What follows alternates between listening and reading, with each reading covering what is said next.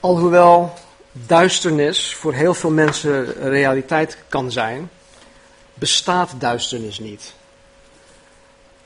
Althans, duisternis op, zelf, op, op zichzelf bestaat niet. Het is simpelweg de afwezigheid van licht. Duisternis. Dus waar het licht niet schijnt, is duisternis. Zo simpel ligt dat. Het Nederlands Vandalen woordenboek zegt dit over de duisternis. Het betekent letterlijk zonder licht, waarin licht niet doordringt of schijnt. Het is volslagen donkerte. Figuurlijk betekent het onduidelijk, verward, vaag, onbegrijpelijk, onbekend. Eh, denk aan dingen zoals in het duister tasten, een duistere afkomst, duistere plekken of praktijken, een duistere zaak, de duistere middeleeuwen. De Bijbel heeft ook veel dingen te zeggen over de duisternis. In Matthäus 27, 45 spreekt de Bijbel van een letterlijke duisternis. En toen Jezus aan het kruis hing, werd het rond 12 uur smiddags pikdonker. Er staat in de Bijbel, duisternis kwam over de hele aarde. In Handelingen 13:11 wordt de blindheid van de mens omschreven als duisternis. In 1 Korinthe 4 vers 5 staat er dat in de duisternis veel dingen verborgen kunnen blijven. Waarom? Omdat, mens, omdat de mens niet goed kan zien in de duisternis. Dingen zijn niet helder, niet goed uh, zichtbaar. In Matthäus 8, vers 12 noemt Jezus de hel de buitenste duisternis, waar men zal wenen en tanden knarsen. En 2 Petrus 17 noemt de hel de donkerste duisternis.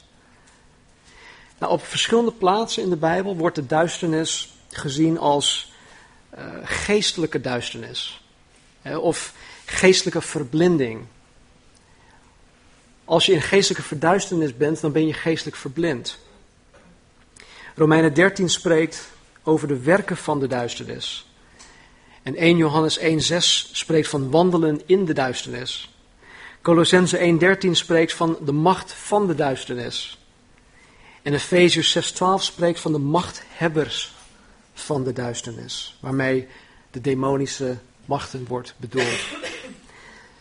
Nou, met uitzondering van één ding, en dat is het letterlijk donker zijn, hè, zoals het buiten donker wordt, wordt in de Bijbel duisternis altijd gezien als iets slecht. Duisternis is nooit goed.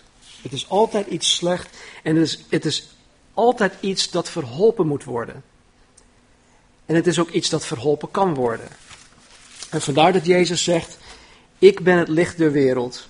Wie mij volgt, zal beslist niet in de duisternis wandelen, maar zal het licht van het leven hebben. Jezus Christus is de oplossing voor duisternis. Hij is het licht der wereld. Nou, vanmorgen vieren we heilig avondmaal. En we doen dat ten eerste omdat Jezus het van ons vraagt. We doen het ook omdat wij erdoor bepaald kunnen worden. Wanneer we het heilig avondmaal tot ons nemen, dan worden wij daardoor bepaald. Ons leven, ons denkwijze, hoe wij dingen zien, hoe wij Jezus zien, hoe wij onszelf zien, hoe wij onszelf, elkaar zien, hoe wij de wereld zien. Als je hart ervoor openstelt en de betekenis van de elementen tot je neemt, dan zal Jezus zijn licht opnieuw in en over je leven heen gaan schijnen. Dan worden de aspecten van ons geloof in Jezus, die door de dagelijkse beslommeringen wazig zijn geworden, weer helder. Ze worden weer op scherp gezet. We zullen onszelf opnieuw, of misschien voor de allereerste keer, in het licht van Jezus Christus gaan zien. Wie en hoe wij daadwerkelijk zijn. De enige echte ik zullen we gaan zien. Nog belangrijker zullen we Jezus opnieuw, of misschien voor de allereerste keer gaan zien. Voor wie Hij daadwerkelijk is. De enige echte God. Jezus is vanmorgen in ons midden. Als wij dat niet geloofden, dan zaten we hier echt voor niets. Hij is in ons midden. En hij wil jou, hij wil ons, u en ieder van ons vanmorgen met open armen tot zichzelf nemen. Wie je ook bent, wat je ook gedaan hebt, Jezus wil je vanmorgen omhelzen. Het vieren van het heilige avondmaal, het brengt ons terug. Het brengt ons terug naar het kruis. Het kruis waaraan Jezus onze zonde droeg. Het kruis dat mij vergeving heeft gebracht. Het kruis dat ons vergeving heeft gebracht. Van al onze zonden. Van het verleden, van het heden, van de toekomst. Door het kruis heb ik de mogelijkheid gekregen om in dit leven hier op aarde een nieuw begin te maken. Een frisse start. En dat was niet eenmalig toen ik voor het eerst tot bekering kwam. Nee, door het kruis begin ik elke dag weer opnieuw met een schone lei. Dus wil je vanmorgen een frisse start maken? Wil je vanmorgen met een schone lei beginnen? Dan kan dat. En Jezus staat hier om je met open armen te ontvangen. Door het kruis ziet God de Vader mij als 100% rechtvaardig.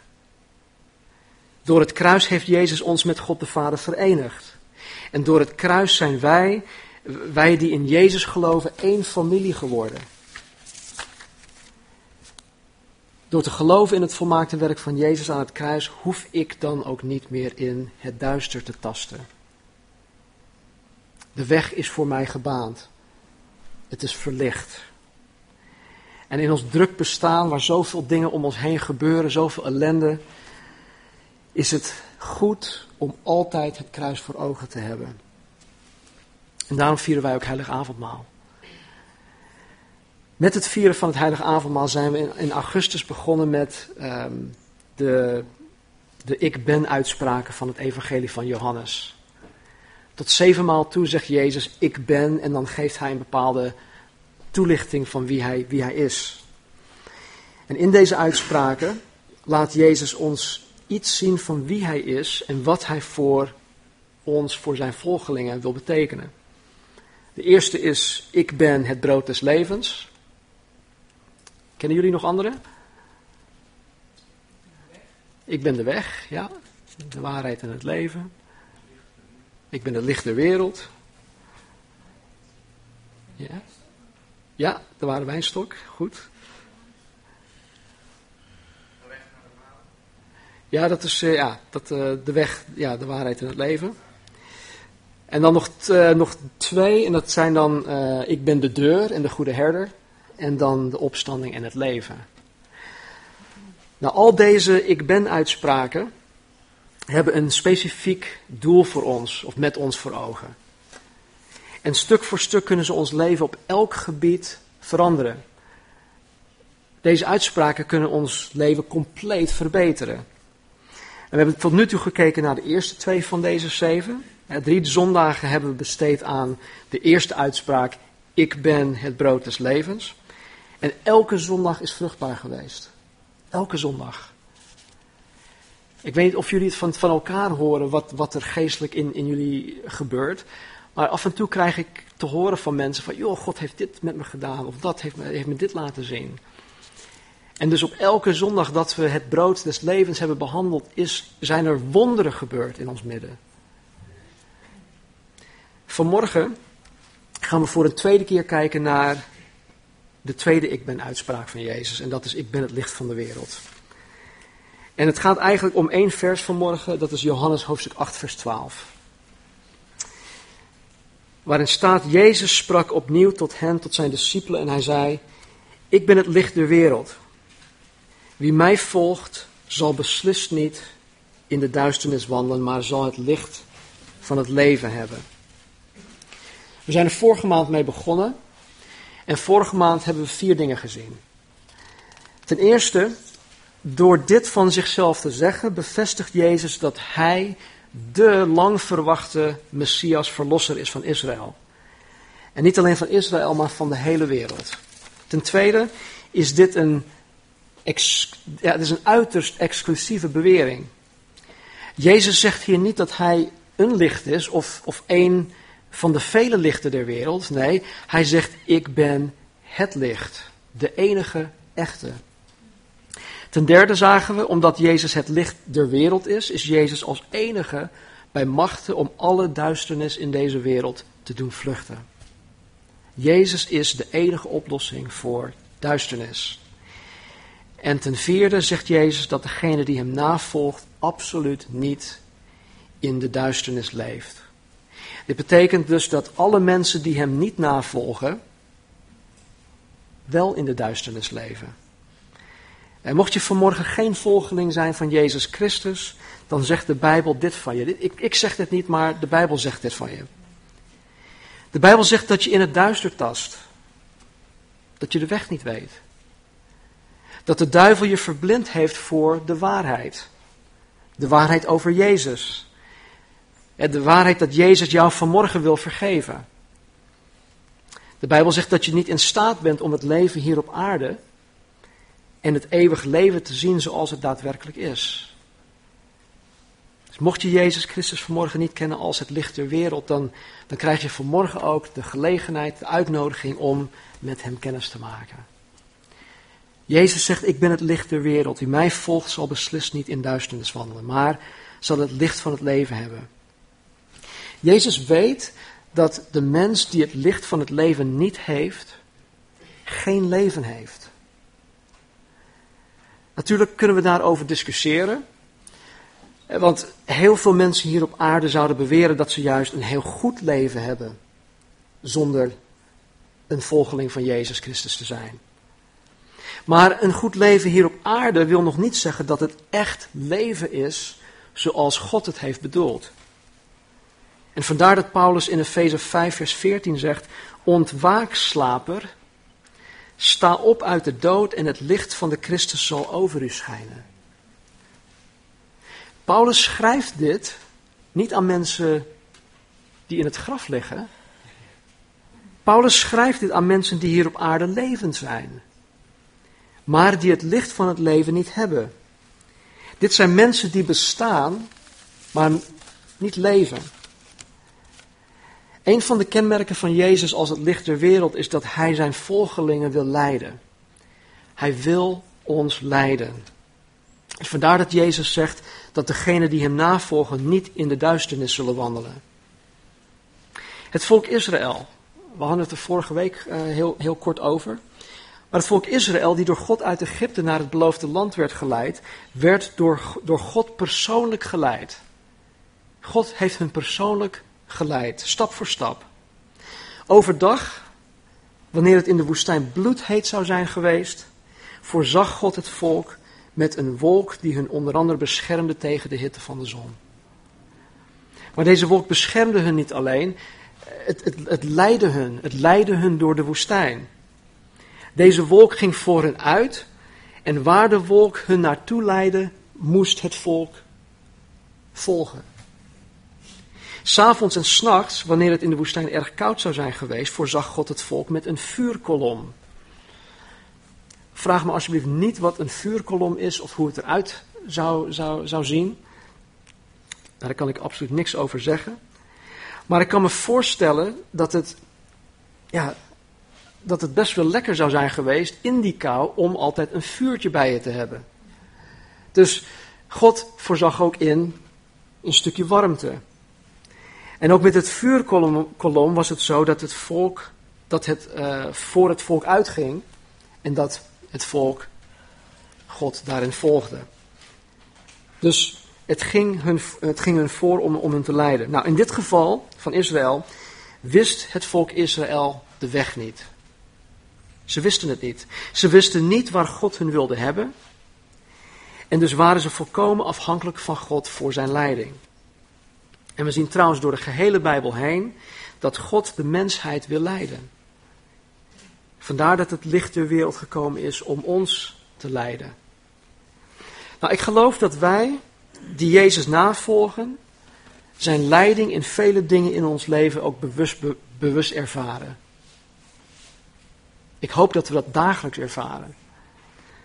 Eh, in dingen zoals, ik, ik noem maar een paar dingen hoor, uh, welke plaatselijke kerk hij ons wil hebben. Ik geloof dat iedereen die, hier, die, die Calvary Chapel hun, hun, hun eigen kerk noemt, dat, dat jullie ervan overtuigd zijn dat God jullie hier heeft gebracht, geleid, geplaatst. Of welke baan het beste is voor je, of welke school. God leidt je ook daarin. Welk huis je in hoort te wonen, of welke auto je, hoort, uh, je in hoort te rijden. Eh, welke beslissingen je, je hoort te nemen, al dat soort zaken. Hij leidt ons ook in de gesprekken die we met mensen voeren. Hoe wij zijn liefde uitdragen, enzovoort, enzovoort. Jezus wil niet dat zijn volgelingen in het duister tasten. Dat wil hij absoluut niet. Hij wil niet dat zijn volgelingen niet weten wat ze moeten doen. Misschien zitten we hier vanmorgen met heel veel vraagtekens en grote beslissingen die we moeten nemen. En dat we niet weten wat we moeten doen. Jezus wil ons daarin leiden. Vaak komt die leiding niet op de manier zoals wij dat graag willen. Een stappenplan. Of een draaiboek. Of iets dergelijks. Nee, God wil dat wij echt heel erg fijngevoelig zijn voor zijn stem en zijn leiding. En op die manier wil hij ons bij de hand nemen om ons te leiden. En het is, het is soms heel erg moeilijk, ik geef toe, om zijn leiding te kunnen herkennen. Om zijn, om zijn, om zijn stem te kunnen herkennen. Maar hij wil het en hij doet het. Hij wil niet dat zijn volgelingen niet in staat zijn om de juiste keuzes in het leven te maken. En het maakt Jezus verder niets uit hoe groot of hoe klein die beslissingen zijn. Hij wil dat wij de juiste beslissingen nemen. Kortom, Jezus wil zijn volgelingen in, in alle dingen leiden. En omdat Jezus alwetend is, is het heel erg aan te raden om jezelf door Jezus te laten leiden. Wij, die Jezus navolgen, zijn door de Heilige Geest in staat gesteld om door de Heilige Geest geleid te worden. En dit is een gigantisch voordeel van het christen zijn. God, zijn geest, leeft in ons. Hij openbaart ons dingen, hij leidt ons. Wij die wedergeboren christen zijn, zijn de enige op deze, op, op deze aardbol die dat hebben. Niemand anders heeft dat. De mens die niet wedergeboren is, is niet in staat om door de geest geleid te worden. Deze is volgens de Bijbel geestelijk gezien verblind. Hij of zij tast in het duister. Een goed voorbeeld van iemand die, die niet in staat is om zichzelf door Jezus te laten leiden, of sterker nog iemand die zich eigenlijk totaal niets van Jezus aantrekt, is werelds beste golfer aller tijden. Tiger Woods. Ik neem aan dat, dat de naam wel een beetje bekend is. Tiger Woods. Tiger Woods heeft in zijn leven heel veel, ik bedoel heel veel werelds succes bereikt. Die man is 33 jaar oud, is vanaf zijn twintigste gestart als professionele golfer. Hij is wereldwijd beroemd. In 2008 heeft hij meer dan 110 miljoen dollar verdiend. Met de huidige wisselkoers is dat ongeveer 74 miljoen euro in één jaar. Dat is ongeveer 6,2 miljoen euro per maand. Dat is ongeveer 1,4 miljoen euro per week. Ongeveer 285.000 euro per dag. Tiger Woods is de eerste en tot nu toe de enige profsporter die in zijn carrière meer dan 1 miljard dollar heeft verdiend. De eerste en tot nu toe de enige. Hij is sinds 2004 getrouwd met een Zweeds model, die heet Elin Nordegren. Samen hebben ze een zoontje, een dochtertje. Ze hebben gigantische huizen, auto's, een, een, een jacht van 20 miljoen euro, enzovoort, enzovoort. Vanuit een wereldoogpunt heeft Tiger Woods een heel goed leven.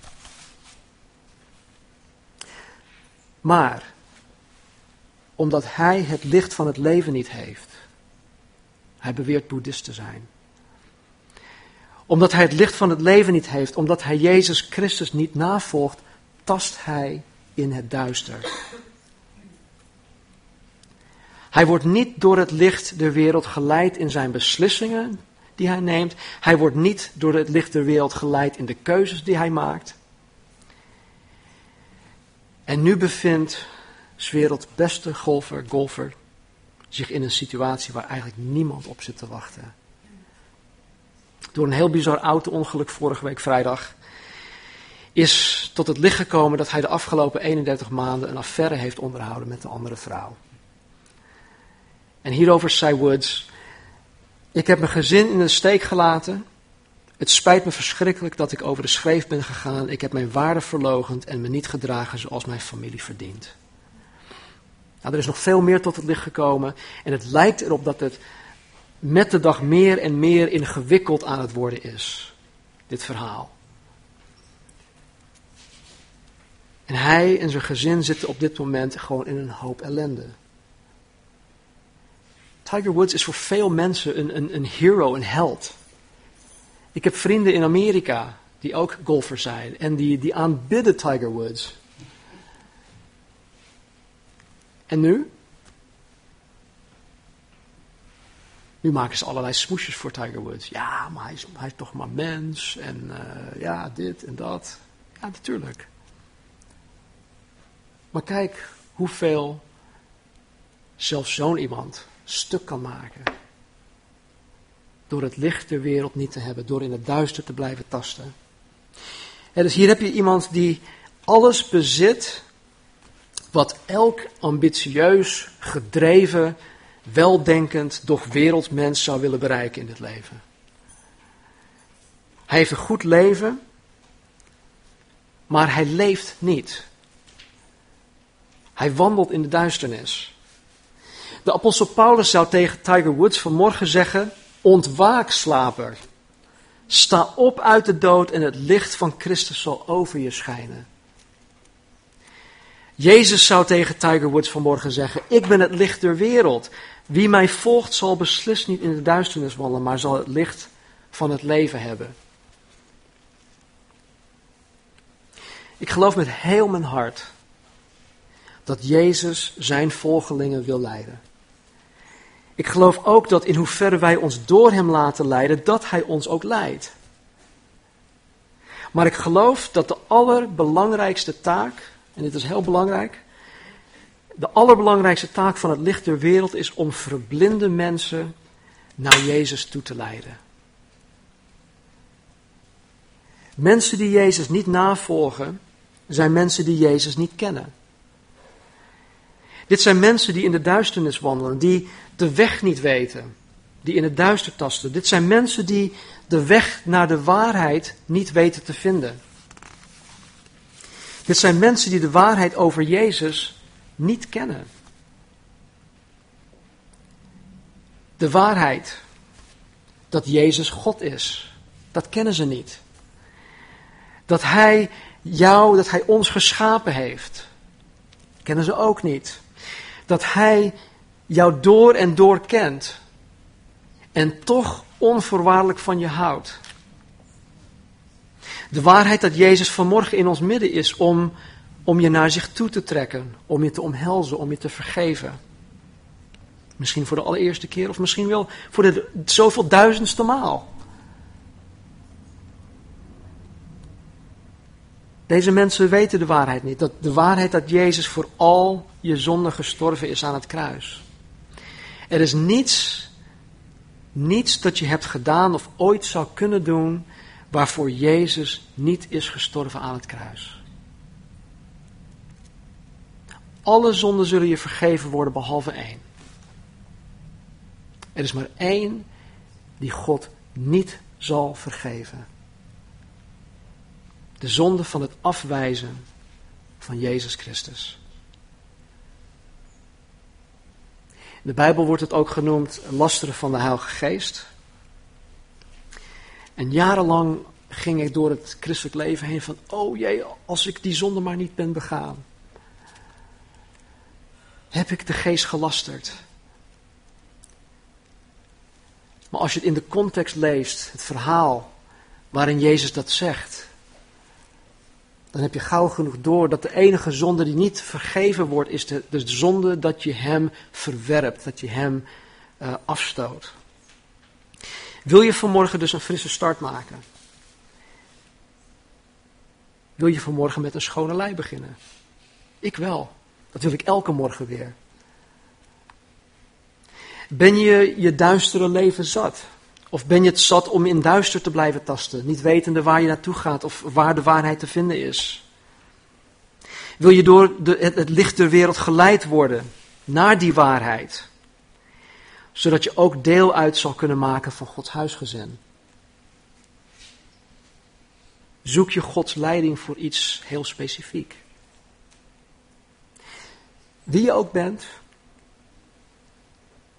als je vanmorgen inziet dat je Jezus keihard nodig hebt, dan wil ik je uitnodigen om deel te nemen aan het heilige avondmaal. Laten we bidden. Vader, ik dank u voor uw goedheid, Vader. Uw trouw. Ik dank u, Heer, dat u uw enige zoon gegeven heeft, gezonden heeft als de grote ik ben. Ik ben het licht der wereld. Heren, wij die in u geloven, wij die wedergeboren zijn, heren, zijn tot het licht gekomen. U heeft uw licht in ons leven, in ons hart, in ons denken laten schijnen, zodat we u hebben leren kennen. En Heer, u heeft, u heeft echt zoveel gedaan om dat mogelijk te maken. U bent tot het uiterste gegaan om ons te redden, Heer, van de macht van de duisternis. De machthebbers van de duisternis. En u wil ons verlichten, Heer, ook vanmorgen weer. Opnieuw, u wil ons een frisse start geven. U wil dat wij vanmorgen met een, een schone lei beginnen. En Heer, u heeft uzelf gegeven uw lichaam, Heer, voor ons gegeven. Uw bloed, die, ons, die onze zonde niet alleen bedekt, maar die ons wast, Heer, witter dan de sneeuw. En zo, Heer, wie we ook zijn vanmorgen, wat we ook gedaan hebben, Heer, ik weet dat de duivel het ons echt moeilijk wil maken om terug te komen. Maar Heer, bij u is er altijd een weg terug. En Heer, ik geloof dat u hier vanmorgen staat met armen uitgespreid om een ieder van ons als individu en ook gezamenlijk, Heer, als lichaam tot u te nemen. Dus Heer, ik bid voor een ieder vanmorgen Laat niets, heren, maar dan ook niets in de weg staan van deelname aan uw koninkrijk, van deelname aan uw lichaam, aan uw bloed. En vader, waar dingen rechtgezet moeten worden tussen u en die persoon, bid ik, Heer, dat uw Heilige Geest op dit moment, heren, het werk doet, heren, van overtuiging, van oordeel, van zonde, van gerechtigheid.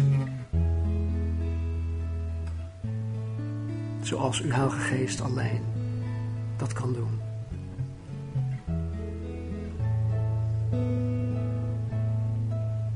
Toon ons, Heer, vandaag, vanmorgen uw glorie.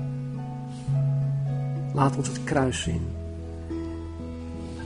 En laat ons, Heer, onszelf ook, zoals u dat verlangt, vanmorgen onszelf verloochenen, ons eigen kruis op ons te nemen, Heer, en u na te volgen.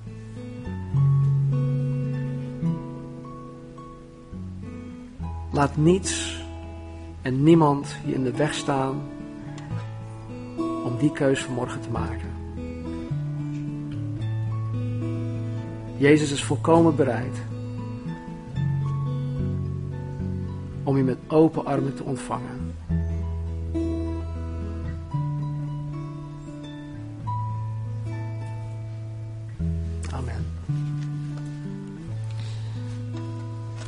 Worshipteam die gaat ons voor in het zingen van een aantal liederen.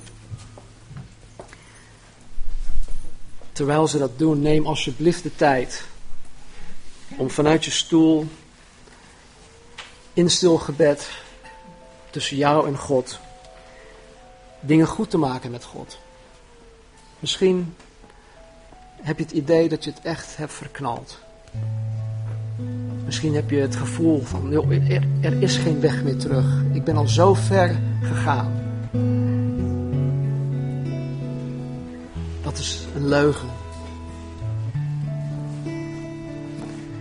Dus maak het goed met God. Beleid je zonde tot God. Geef toe dat je een zondaar bent. En dat je Hem en zijn vergeving en verlichting gewoon keihard nodig hebt. Laat God weten dat je, dat je, ja, dat je er spijt van hebt. Vraag hem om vergeving en keer je gewoon terug. Misschien tas je in het duister.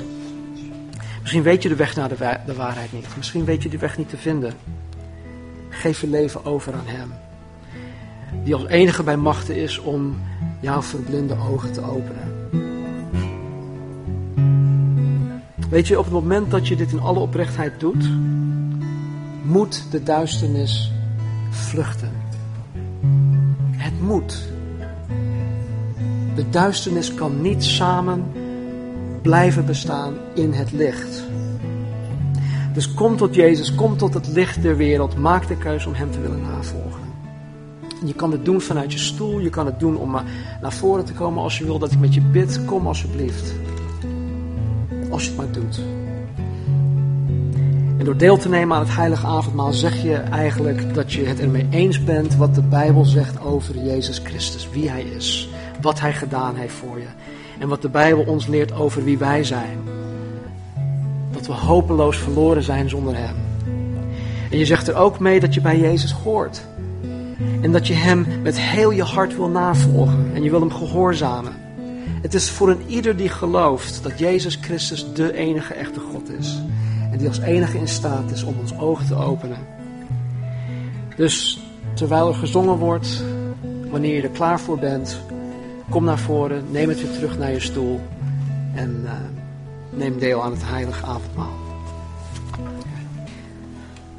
In het allereerste begin was Christus er al. Hij was bij God en was zelf God. Alles ontstond door zijn woord. Zonder hem is niets ontstaan. Al het bestaande heeft hij gemaakt. In hem is eeuwig leven. En dat leven is het licht voor de mensen. Het licht schijnt in de duisternis en de duisternis heeft het niet in zijn macht kunnen krijgen. God stuurde Johannes de Doper om mensen ervan te overtuigen dat Jezus Christus het licht is. Het was zijn taak de mensen tot geloof te brengen. Johannes was zelf niet het licht, maar iemand die over het licht vertelde. Want het echte licht, dat is Christus, kwam in de wereld om iedereen, iedereen te verlichten. Christus kwam in de wereld, die door hemzelf gemaakt is, maar de wereld wilde niets van hem weten. Hij kwam in zijn eigen land, maar zijn eigen volk heeft hem niet aanvaard. Maar allen die hem wel aanvaard hebben, dat zijn wij, heeft hij het recht gegeven kinderen van God te worden. Door geloof in zijn naam worden zij opnieuw geboren. Natuurlijk niet als mens, maar geestelijk uit God. Laten we allemaal gaan staan. De Heere zegene jullie. De Heere doet zijn aangezicht over u lichten en zij u genadig. De Heere verheffen zijn aangezicht over u en geven u vrede. In Jezus' naam. Amen.